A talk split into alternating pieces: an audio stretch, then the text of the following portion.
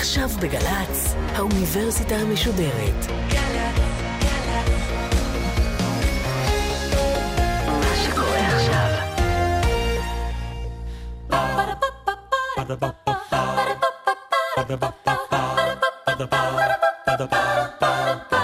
האוניברסיטה המשודרת מציגה מהים התיכון למזרח התיכון עם ליעד מודריק והסמסטר דת ומדינה. והפעם שיחה עם הפרופסור אבי שגיא ראש התוכנית ללימודי פרשנות ותרבות באוניברסיטת בר אילן על מדינה יהודית ודמוקרטית חזון ומציאות. עורכת ראשית מאיה גאייר שלום לכם, אנחנו באוניברסיטה המשודרת, תוכנית הסיום של הסמסטר הנוכחי, שבו ניסינו להבין לעומקו את צמד המילים הזה דת ומדינה, והיום לקינוח אנחנו עם צמד מילים לא פחות מורכב וקשה להבנה, יהודית דמוקרטית. בעיני רבים מדובר בצימוד טבעי מתוך הערכים האוניברסליים, ההומניסטיים שביהדות, ואם להשתמש במילים גבוהות, סלע קיומה של מדינת ישראל. בעיני אחרים הביטוי הזה הוא כמעט אוקסימורון, שתי מילים שאינן יכולות לדור בכפיפה אחת. אז אנחנו לא נפתור את המחלוקת הזו כאן, אבל ללא ספק נבין אותה טוב יותר בעקבות השיחה איתך, פרופסור אבי שגיא, פילוסוף מאוניברסיטת בר אילן, מייסד התוכנית ללימודי פרשנות ותרבות באוניברסיטה. שלום לך. שלום וברכה. אז אולי נתחיל קודם כל בשאלה הכי בסיסית, מה המקור של המושג הזה? מתי יהודית ודמוקרטית נכנס לחיינו?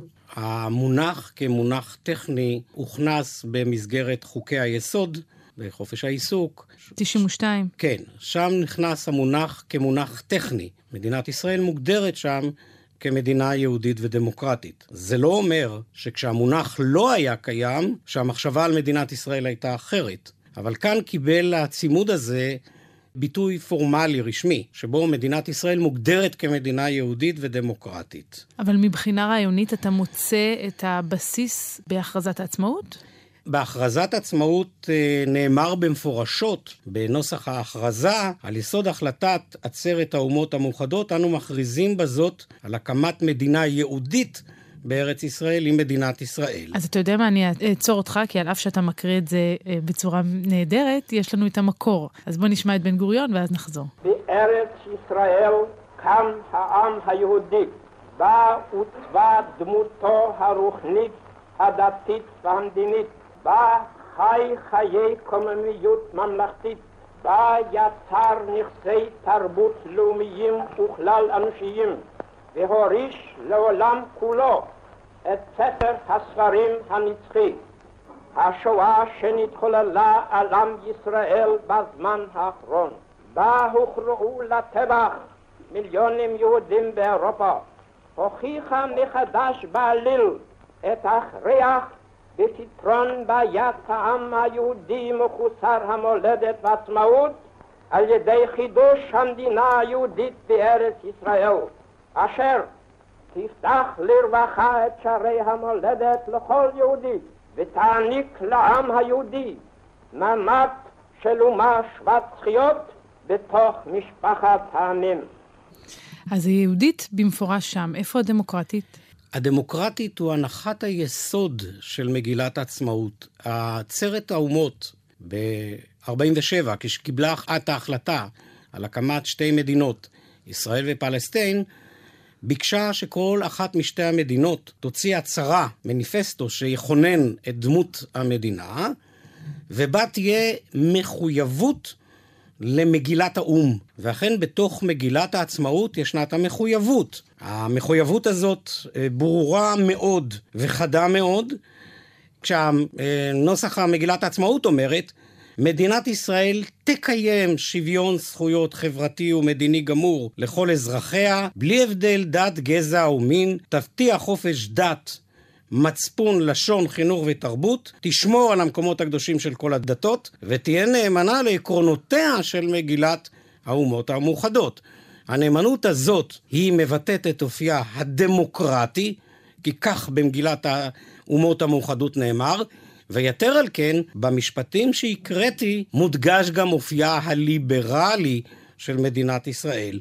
היינו, מדינת ישראל מחויבת הן לשוויון, הן לחירות, הן לחופש דת, שכולל אגב גם חופש מדת, היינו מדינה שיוצאת לדרכה כמדינה דמוקרטית וליברלית, והיא יוצאת לדרכה כך כי זהו הבסיס לקיומה.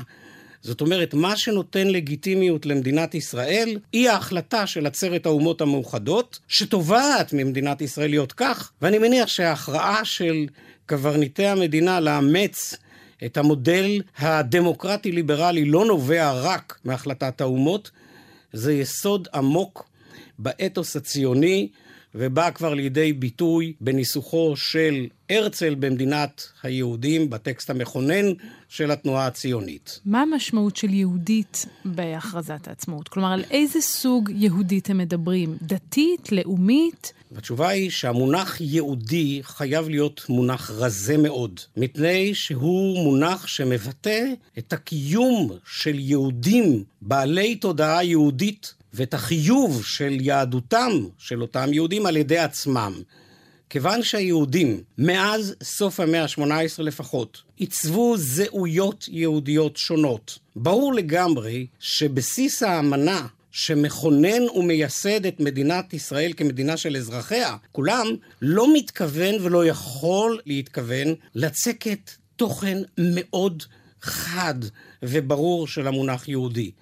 האדם החילוני הוא יהודי, האדם הדתי הוא יהודי, וגם האדם שרק קושר את גורלו בעם היהודי מתוקף לידתו כיהודי, מבלי שהוא נותן לזה ביטוי תרבותי, גם הוא יהודי. אין ולא יכולה להיות הגדרה אחרת של המונח יהודי בתוך היסוד המכונן של מדינת ישראל כמדינה דמוקרטית וליברלית, לא יכולה לקבוע תוכן של זהות ספציפית של אזרחיה, בוודאי היהודים, ולקבוע כי יהודי הוא מי שעושה כך ולא עושה אחרת. אבל בהכרזה גם מתייחסים ללא יהודים. בהחלט. העובדה שמדינת ישראל היא מדינה יהודית מבטאת את זכותו של הלאום היהודי להגדרה עצמית. זו זכות מוכרת בעולם, זה איננו מייחד רק את עם ישראל, אלא כל עם שמתקיים בתודעתו כעם, הוא זכאי להגדרה עצמית מנקודת מבט חיצונית, היינו של האומות. ההגדרה העצמית של הלאום היהודי בתוך מסגרת פוליטית הוא היה צורך, ועדיין נוצר צורך עמוק, לעם שחי אלפי שנים בנדודים, ולא יכול היה לכונן את קיומו הציבורי היהודי במסגרות פוליטיות אחרות. גם במדינות דמוקרטיות יכולים יהודים לחיות כיחידים יהודים. לייצר מרחבים מאוד ספציפיים יהודיים, כמו בתי ספר, כן. מתנסים, בתי כנסת וכיוצא בזה. אבל לעם היהודי לא הייתה הזכות, וספק אם הייתה היכולת, לכונן מרחבים ציבוריים יהודיים. הדרישה שזכתה להכרת עצרת האומות להקמת מדינה הייתה הכרזה שהעם היהודי זכאי לכונן מרחב ציבורי יהודי. מרחב שיישא את המורשת והתרבות היהודית. כן, אבל כשניסחו את הכרזת העצמאות, אנחנו יודעים על ויכוחים פנימיים בסוגיה הזאת של עד כמה להדגיש את היהודית על פני הדמוקרטית, או להפך? צריך לזכור שבעצם המדינה כוננה, היה לה כבר, היו מוסדות של היישוב עוד לפני קום המדינה. לא היה מחשבה להקים כאן מונרכיה או תיאוקרטיה. היה ברור לגמרי שהמסגרת היחידה שתוכל להכיל את ריבוי הגוונים של הקיום היהודי, זו המסגרת הדמוקרטית. זו נקודה מאוד מרתקת שהטרידה המון חוקרים. הרי הזרם המרכזי של הציונות, שהיווה את הבסיס להקמת מדינת ישראל, היה הזרם המזרח אירופאי. האנשים שם לא נתקלו בדגמים של דמוקרטיה. בוודאי לא בברית המועצות הקומוניסטית. ובכל אופן זה היה המובן מאליו של כל הזרמים הציוניים, כולל הציונות הדתית. שאלה מאוד מרתקת מאיפה זה נבע. נדמה לי שהיסוד העמוק ביותר זה היסוד הפרגמטי. לא הייתה שום דרך לכנס כאן במדינה אחת את כל תפוצות העם היהודי מבלי להתחייב לתפיסת עולם דמוקרטית ליברלית שתכיל את כולם. כי אם הייתה פה תפיסה אחרת, היה נוצר פה, מה שבעיניי מתחיל עתה להיווצר, עם יהודי שונה. היינו, הייתה נוצרת פה אומה חדשה, אומה יהודית חדשה, שהייתה מאבדת את זיקתה ואת קשריה עם העם היהודי היושב בתפוצות. אני מתקשה לחשוב איך יהודי ארצות הברית בקום המדינה היו מוכנים להיות שותפים לחזון הפוליטי היהודי, אם מדינת ישראל הייתה מאמצת למשל את חוקי ההלכה, במידה ויש חוקים להכיל על מדינה. מדינת ישראל בעצם התקיימה על בסיס הכרזת העצמאות ולא מצאה לנכון להגדיר את עצמה כיהודית או דמוקרטית בחוק. הזכרת, ב-92 זה קורה פורמלית, אבל עוד לפני כן, תקן אותי אם אני טועה, ב-1984, עם מפלגת כך, הסוגיה הזו עולה על פני השטח. הסוגיה כל הזמן עולה על השטח מהסיבה מאוד פשוטה. שיח הזהות בתוך החברה היהודית בישראל הוא שיח דיכוטומי. יש מאמץ מתמיד להשיג עמדה מונופוליסטית על היהדות. וזה היה חלק אופייני מהשיחה. זאת אומרת, בתוך מדינת ישראל הדמוקרטית, הליברלית, יש מאמץ מתמשך של זרמים שונים להשיג מונופול ולשלול את האחר. בתוך השקפת עולם פלורליסטית, אינני זקוק כדי שלעולמי יהיה ערך לשלול את עולמו של האחר. אבל כנראה מכל מיני שיקולים היסטוריים, המאבק התחולל תמיד כשליטה על המרכז.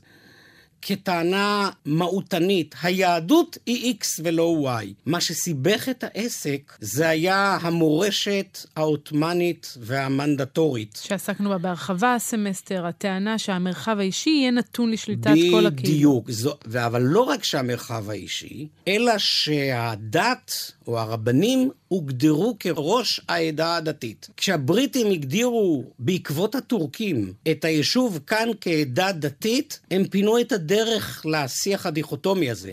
ראשית, עם ישראל הוא לא עדה דתית, הוא עם. עדה דתית זה מונח ההולם יותר תפיסות של פרוטסטנטים ולעיתים קתולים, אבל זה המונח ששאוב משם. הבריטים, אני מניח, אימצו את זה מתוך המורשת האנגליקנית. העובדה שחלק מאוד מרכזי בציר חיינו הופקד בידי ראש העדה הדתית, יצר את הפתח לשיח שהוא מאבק על השליטה ועל המונופול. זאת אומרת, השיח על דת ומדינה בישראל עד כמעט שנות האלפיים, הוא בעצם מסווה שמכסה אה, על שיח עמוק וקשה יותר מסביב לשאלה מהי יהדות. אבל אם אני חוזרת לאותה תקרית עם כך שבעצם אילצה את הכנסת להגדיר את עצמה, להגדיר את מדינת ישראל, מה בדיוק היה שם?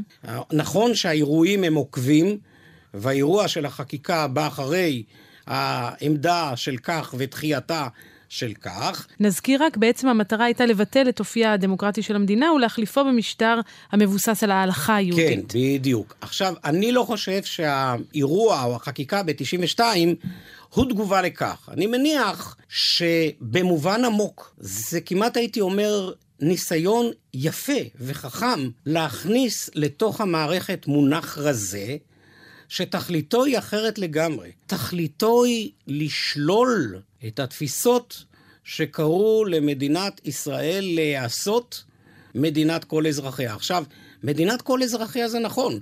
כל מדינה היא מדינת כל אזרחיה, אבל השימוש במונח הזה, כשהוא עולה לשיח הציבורי, תכליתו היה לשלול את אופייה של מדינת ישראל כמדינה של הלאום היהודי. כדי להתמודד עם זה, הוכנס המונח יהודית לתוך השפה. זאת אומרת, המונח הזה אבל הוא... אבל המונח דמוקרטית לא היה תגובת נגד לכך? המונח דמוקרטי הוא המובן מאליו. אי אפשר לשרטט את מדינת ישראל לא כמדינה דמוקרטית. אני גם חייב להגיד לך שמנקודת מבטי שלי כחוקר הלכה, בין היתר עיסוקיי, אין במסורת היהודית ההלכתית מודל פוליטי כלשהו. תיאוקרטיה, היינו שלטון אל, מעולם לא נהג בישראל. המציאות ההלכתית או המסורת הרבנית היא מסורת של מלך ונביא. הנביא איננו מלך, המלך הוא מלך, ויש לו סמכויות חילוניות מובהקות. איש לא העלה על דעתו לחדש כאן לא מונרכיה, לא שלטון אל. ההלכה עצמה דחתה את שלטונו של האל. ההלכה שולטת באל. כשחז"ל ניסחו את הקביעה התלמודית, לא בשמיים היא, זאת אומרת, האל לא יכול להתערב בתוך השיחה ההלכתית, הם בעצם שללו את הרעיון של האל כמנהיג ישיר של העם. אבל גם ההלכה לא הציבה מודל מעולם של מערכת שבה היא תנווט את כל הסדרי החיים. אין לנו מורשת יהודית, הלכתית, של מדינת ישראל כמונרכיה, או של מדינת ישראל כמדינה שיכולה להתנהל על פי חוקי ההלכה. ובמקום שהיו סתירות, כמו למשל במעמד נשים או במעמד מיעוטים, חכמי ההלכה מצאו פתרונות כדי להיות נאמנים למגילת העצמאות. אז אתה אומר, הדמוקרטית היא נקודת מוצא. מוצא. אבל אני רוצה לשאול אותך, כי הסדר של המילים אולי משמעותי, וקוראים לזה יהודית דמוקרטית ולא דמוקרטית יהודית. נכון. אני חושב שהסדר הזה, בניגוד לרוב עמיתיי, אני חייב להגיד, הוא סדר מוטעה. המדינה כמוסד מפעיל סמכות מוגדר על ידי העיקרון המכונן אותו. האם העיקרון המכונן אותו הוא העיקרון הדמוקרטי, המונרכי, התיאולוגי? כשאת נותנת הגדרה למדינה, את קודם כל חייבת להגדיר את אופי הסמכות המוקנה למדינה, וזה גזור במישרין מהתפיסה הפוליטית. מדינת ישראל היא מדינה דמוקרטית ביסודה, זה היסוד המכליל שלה. היסוד המפרט שלה, הפרטי יותר, היא אותה מדינת הלאום היהודי. כל מי שלומד פרק בתורת ההגדרות, יודע שתמיד היסוד האוניברסלי הכללי קודם ליסוד לקדום. הפרטי. למשל, בהגדרה הקלאסית, האדם מוגדר כבעל חיים חושב. היותו בעל חיים מסווג אותו במושגים הקלאסיים בסוג בעלי החיים. היסוד המבדיל אותו הוא שהוא חושב. אז אני לא יודעת אם הנשיא ריבלין אה, למד את תורת ההגדרות, אבל נדמה לי שאולי הוא אה, מצטרף לדעתך. בוא נשמע אותו. הגישה ההיררכית המעמידה את היהודית לפני הדמוקרטית מחמיצה את עומקה וגדולתה של מגילת העצמאות שכרכה את שני המרכיבים יחד ללא הפרד. יהודית ודמוקרטית. דמוקרטית ויהודית בדיבור אחד נאמרו, ובדיבור אחד הן מוכרחות להמשיך ולהיאמר. מי שחושב שחוק יסוד כבוד האדם וחירותו עומד בסתירה ליהדותה של המדינה, לא רק שאיננו מבין מהי מדינה דמוקרטית, אינו מבין מהי מדינה יהודית. ואני חושב שהוא קלט באבחת חרב חדה בדיוק את העניין. זה לא מנוסח בצורה אנליטית, כפי שאני כפילוסוף אנסח זאת, אבל מה שהוא רצה לומר, זה שאי אפשר שיהיה יסוד היררכי ראשוני של המונח יהודי ונגזרותיו על פני המונח דמוקרטי. צריך להבין, מדינה דמוקרטית, להבדיל ממדינות טוטליטריות, בבסיסן עומד יסוד של אמנה של החברה. אין מובן למדינה הדמוקרטית ללא אותה אמנת יסוד, שהיא לא תמיד נחרטת בצורה פומבית, אבל היא משתקפת בהתנהלות היומיומית. כל אזרחיה של מדינת ישראל, או לפחות רובם, כולל חלק ניכר מהחרדים, מניחים את הדמוקרטיות. תצטרך לזכור. שגם אזרחים דתיים וגם חרדים משתמשים ברטוריקה של זכויות. רטוריקה של זכויות נגזרת מהאופי הבסיסי של המדינה כמדינה דמוקרטית, ומאמנת היסוד שמכוננת אותה כמדינה כזו. אבל אני אקשה כאן על הוויכוח או על הדיון, ואני אציג את העמדה של אלה שטוענים שיש סתירה מושגית כמעט בין יהודית ודמוקרטית. כי דמוקרטית מהווייתה לא מבחינה בין אדם לאדם לפי מוצאו, ויהודית עושה בדיוק את ההבחנה הזו. קודם כל צריך, כשבוחנים סתירות, להציג את השאלה איזה סוג סתירה זו. האם זו סתירה עקרונית או סתירה פרגמטית? לטעון שיש סתירה עקרונית בין יהדות לדמוקרטיה, מבלי שטיפלנו בשאלה מהי יהדות, זה לא לטעון כלום. מה יש ביהדות שסותר? אני מנסה להביא את העמדה של אלה שטוענים שעצם ההבחנה בין מוצאים, עצם הטענה שזאת מדינה של יהודים ולא של אזרחים אחרים שחיים בה, היא כשלעצמה אינה דמוקרטית. מדינת ישראל היא מדינה שבה הלאום היהודי מבטא את זכותו להגדרה עצמית, אבל לא על חשבון הלא יהודים המצויים בתוכה. איך פותרים את המתחים בין עיצוב מרחב ציבורי יהודי, עם סמלים יהודיים, עם סממנים יהודיים, מה טיבם של הסממנים הללו, ואיך האוכלוסייה הלא יהודית משתלבת ומקבלת ביטוי לאופייה ולייחודה, זוהי שאלה פרגמטית. זו לא שאלה שצריכה להיות נידונה מחוץ לשיח הציבורי. השיח הציבורי הוא שיח שבו בני אדם מביאים את מכלול מאווייהם, את מכלול הקונפליקטים שבינם לבין זולתם, ומנסים לייצר דיאלוג שבו כל אחד מהאנחנו הישראלי, יהודים בגוונים השונים, לא יהודים בגוונים השונים, מקבלים את המקסימום. לא כולם יקבלו את הכל. ברור לגמרי שבמדינה כמו מדינת ישראל, שהיא בבסיס שלה מדינתו של העם היהודי, ברור שמרב המרחב הציבורי ומאפייניו יהיו יהודים, כי זה הרוב. אבל זה לא אומר שיש זכות, או שבשל כך האזרח הלא יהודי, הפלסטיני או הדרוזי, אמור לחפוף את עצמו למרחב ציבורי שהוא רק יהודי. תפקידה של המדינה הוא לאפשר ביטוי גם לאותם מיעוטים. איך היא תאפשר את זה? כמה היא תאפשר? זה עניינה של החברה. זה עניינה של החברה. אנחנו, שום שיטת משטר דמוקרטית היא לא מושלמת. אנחנו מבדילים בין דמוקרטיה אמפירית לדמוקרטיה אידיאלית. דמוקרטיה אידיאלית לא קיימת. בכל מקום שנעשה ניסיון לממש אותה, זה תורגם לטוטליטריזם. מישהו ידע מה נכון, מה טוב. דמוקרטיה אמפירית היא דמוקרטיה שחתומה בצבעים של החולשות, התקוות, הכאבים, המאוויים של בני אדם ריאליים שמרכיבים אותה. למדינה כמדינה אין זכות להגדיר את הטוב. המדינה לא יכולה לומר, אנחנו רוצים שבני אדם או שיהודים יהיו כאלה וכאלה. מהסיבה מאוד פשוטה, זהותם של בני אדם, יחידים.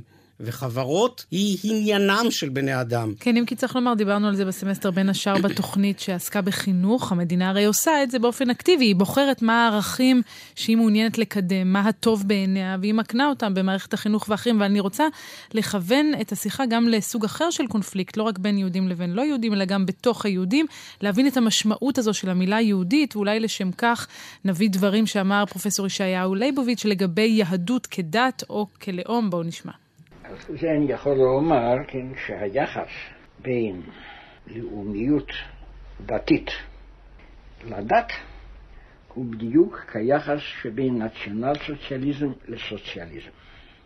כשם שנציונל סוציאליזם איננו סוציאליזם, אלא בדיוק ההפך מזה, כך לאומיות דתית איננה דת, אלא ההפך מזה. נסביר. צריך לדעת גם שהוא עבר תמורות מאוד גדולות. עד אמצע שנות החמישים הוא לא דיבר כך. המונח מדינת התורה הוא מונח של ליבוביץ', היה אחד ממחדשיו בשנות השלושים. הוא אחר כך נסוג בעקבות חששו מהאופי שילבש הלאום היהודי. אז צריך להגיד כך, כדרכו של ליבוביץ', הוא מציב דיכוטומיות קיצוניות, לאומיות לא זהה לנאציזם, גם לא לאומיות דתית לא זהה לנאציזם. זו עמדה מאוד ייחודית של ליבוביץ', שעבורו דת יהודית, המודל שהוא חושב על הדת היהודית, הוא מודל פרוטסטנטי מובהק של הדת המאמינים שכל עניינם הוא עבודת האל. זה לא הדת היהודית. נכתב על כך לא מעט, ולהעמיד את ליבוביץ' כאן בלב העניין, זה בעצם לטעון כלפיו את מה שטען חברי פרופסור פנחס שיפמן, שישעיהו ליבוביץ' היה האדם שיצר את הבסיס לתפיסות רדיקליות בקרב דתיים, מפני שהוא שלל את קיום הלאומי היהודי, והפריד הפרדה חדה מדי בין הדת לבין הלאום. באופן היסטורי, ככל שדת הייתה טוטאלית יותר, כך היא נטטה לפשרה גדולה יותר, מפני שצריך היה לנהל את היומיום. הכנסייה הקתולית הרבה יותר פשרנית מהכנסייה הפרוטסטנטית, מפני שבעידנים הקלאסיים שלה, האפיפיור צריך היה לנהל מדינות. מעניין, זה מנוגד למה שהיינו חושבים, או לאינטואיציה. נכון, מפני שהאינטואיציות שלנו חושבות שטוטליות על מרחב גם מובילה בהכרח להפעלת כוח. היסטורית זה לא היה כך. היסטורית, הכנסייה הקתולית עיצבה מודלים מורכבים של חיים, מפני שהיא הבינה שאם היא תפעל בכוח אדיר מדי, היא תחולל את תגובת הבומרנג הנגדי ותאבד את השליטה על בני אדם. אני לא רוצה לעשות אנלוגיות בין היהדות לבין קתוליות, כי כפי שאמרתי, יהדות הוא מונח מאוד אמורפי. הוא מאפשר המון תפיסות, וצריך להיזהר לא לזהות יהדות עם הדת היהודית. הדת היהודית היא אחד המופעים של היהדות. ואני רוצה בנקודה הזו, אנחנו מתקרבים לסיום התוכנית, ובעצם לסיומו של הסמסטר, שבו ניסינו להבין איך דרות ביחד דת ומדינה בישראל ובכלל, ואני רוצה לשאול אותך בהקשר הזה של יהודית ודמוקרטית, הצימוד הזה מקבל משמעות שונה בשנים האחרונות? אתה חושב שיש כאן איזושהי תמורה שמתחוללת שצריך אולי לשים עליה את האצבע? כן. כל זמן שהוויכוח היה על דת ומדינה, זה היה ויכוח על חוקים מאוד ספציפיים. השיח על דת ומדינה, כפי שכבר רמזתי קודם, הסתיר בחובו שאלות עומק הרבה יותר כבדות על טיבה של הזהות הלאומית היהודית. אבל זה היה מין אפיק ניקוז, אפיק מעדן, שאפשר לשאלות הכבדות הללו לא לעלות לסף השיח הציבורי, ובאופן פרדוקסלי, הוויכוחים הקשים על דת ומדינה אפשרו דווקא את התנועה הרציפה, השקטה, ההוגנת של מדינת ישראל כמדינה דמוקרטית. בשנים האחרונות, כשהשיח על דת ומדינה הולך ויורד, ובמקומו עולה השאלה הקשה על טיבה של מדינת ישראל כמדינה יהודית, אנחנו עדים לשיח מאוד מונופוליסטי, מאוד אלים, שממסגרתו הפוליטיקה מתפקדת כמנגנון להדרת אופני קיום יהודים אחרים.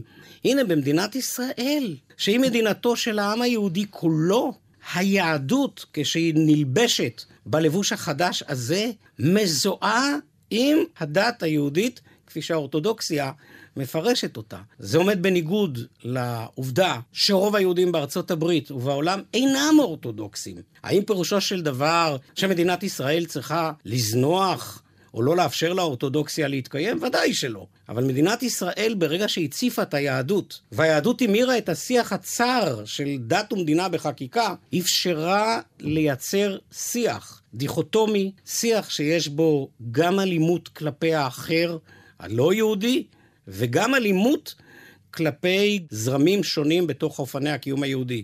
השאלה שאותי מטרידה, האם במדינת ישראל לא הולך ונוצר עם יהודי חדש שמתנתק מהקיום היהודי העולמי? אם יהודים רפורמים פעם אחר פעם בשיח הציבורי נתפסים כלא יהודים, האם זהו לא רגע שבו העם היהודי היושב בציון מתחיל לבנות חומות לא רק בינו לבין אויביו, אלא בינו לבין חלקים ניכרים בעולם היהודי.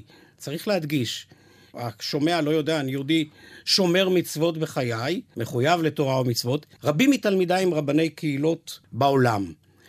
העולם היהודי עובר תמורה מדהימה. מצטרפים אליו אנשים שעל פי הדין ועל פי ההלכה הם אינם יהודים. והם עומדים בפני שאלות מאוד כבדות. בתמורה הזאת, ששערים נפתחים, שיש תהליך של ערבוב, אם פה במדינת ישראל העם היהודי יסגור שערים, התוצאה הסופית היא ברורה. חלק גדול מהיושבים בציון, שאינם מזדהים עם האורתודוקסיה היהודית, ירגישו מחנק, וייתכן שמי שישלם על זה מחיר בסוף, זו אותה קבוצה אורתודוקסית שמבקשת להפעיל כוח, אבל גם יתנתק העם היהודי האחר. וזוהי השאלה המרכזית שרובצת לפתחה של החברה היהודית בישראל. אז סיימנו את הסמסטר הזה עם לא מעט חומר למחשבה, ושאלה שיש, אה, אני מניחה, לא מעט מחלוקת סביבה, דעות לכאן ולכאן, אבל בהחלט משהו שיש לתת עליו את הדעת. אני רוצה מאוד להודות לך, פרופ' אבי שגיא, על ההרצאה היום, ואנחנו מסיימים בזאת את הסמסטר. תודה רבה ליואב כהן על הביצוע הטכני, וגם לכם שהייתם איתנו לאורך הסמסטר הזה, בניסיון שלנו לפענח את היחסים שבין דת למדינה. אנחנו ניפגש בסמסטר הבא של האוניברסיטה המשודרת. עד אז אתם יכולים להאזין לכל התוכניות שלנו באתר גלי צה"ל או באפליקציה יישומון. תודה רבה לכם על ההאזנה. להתראות.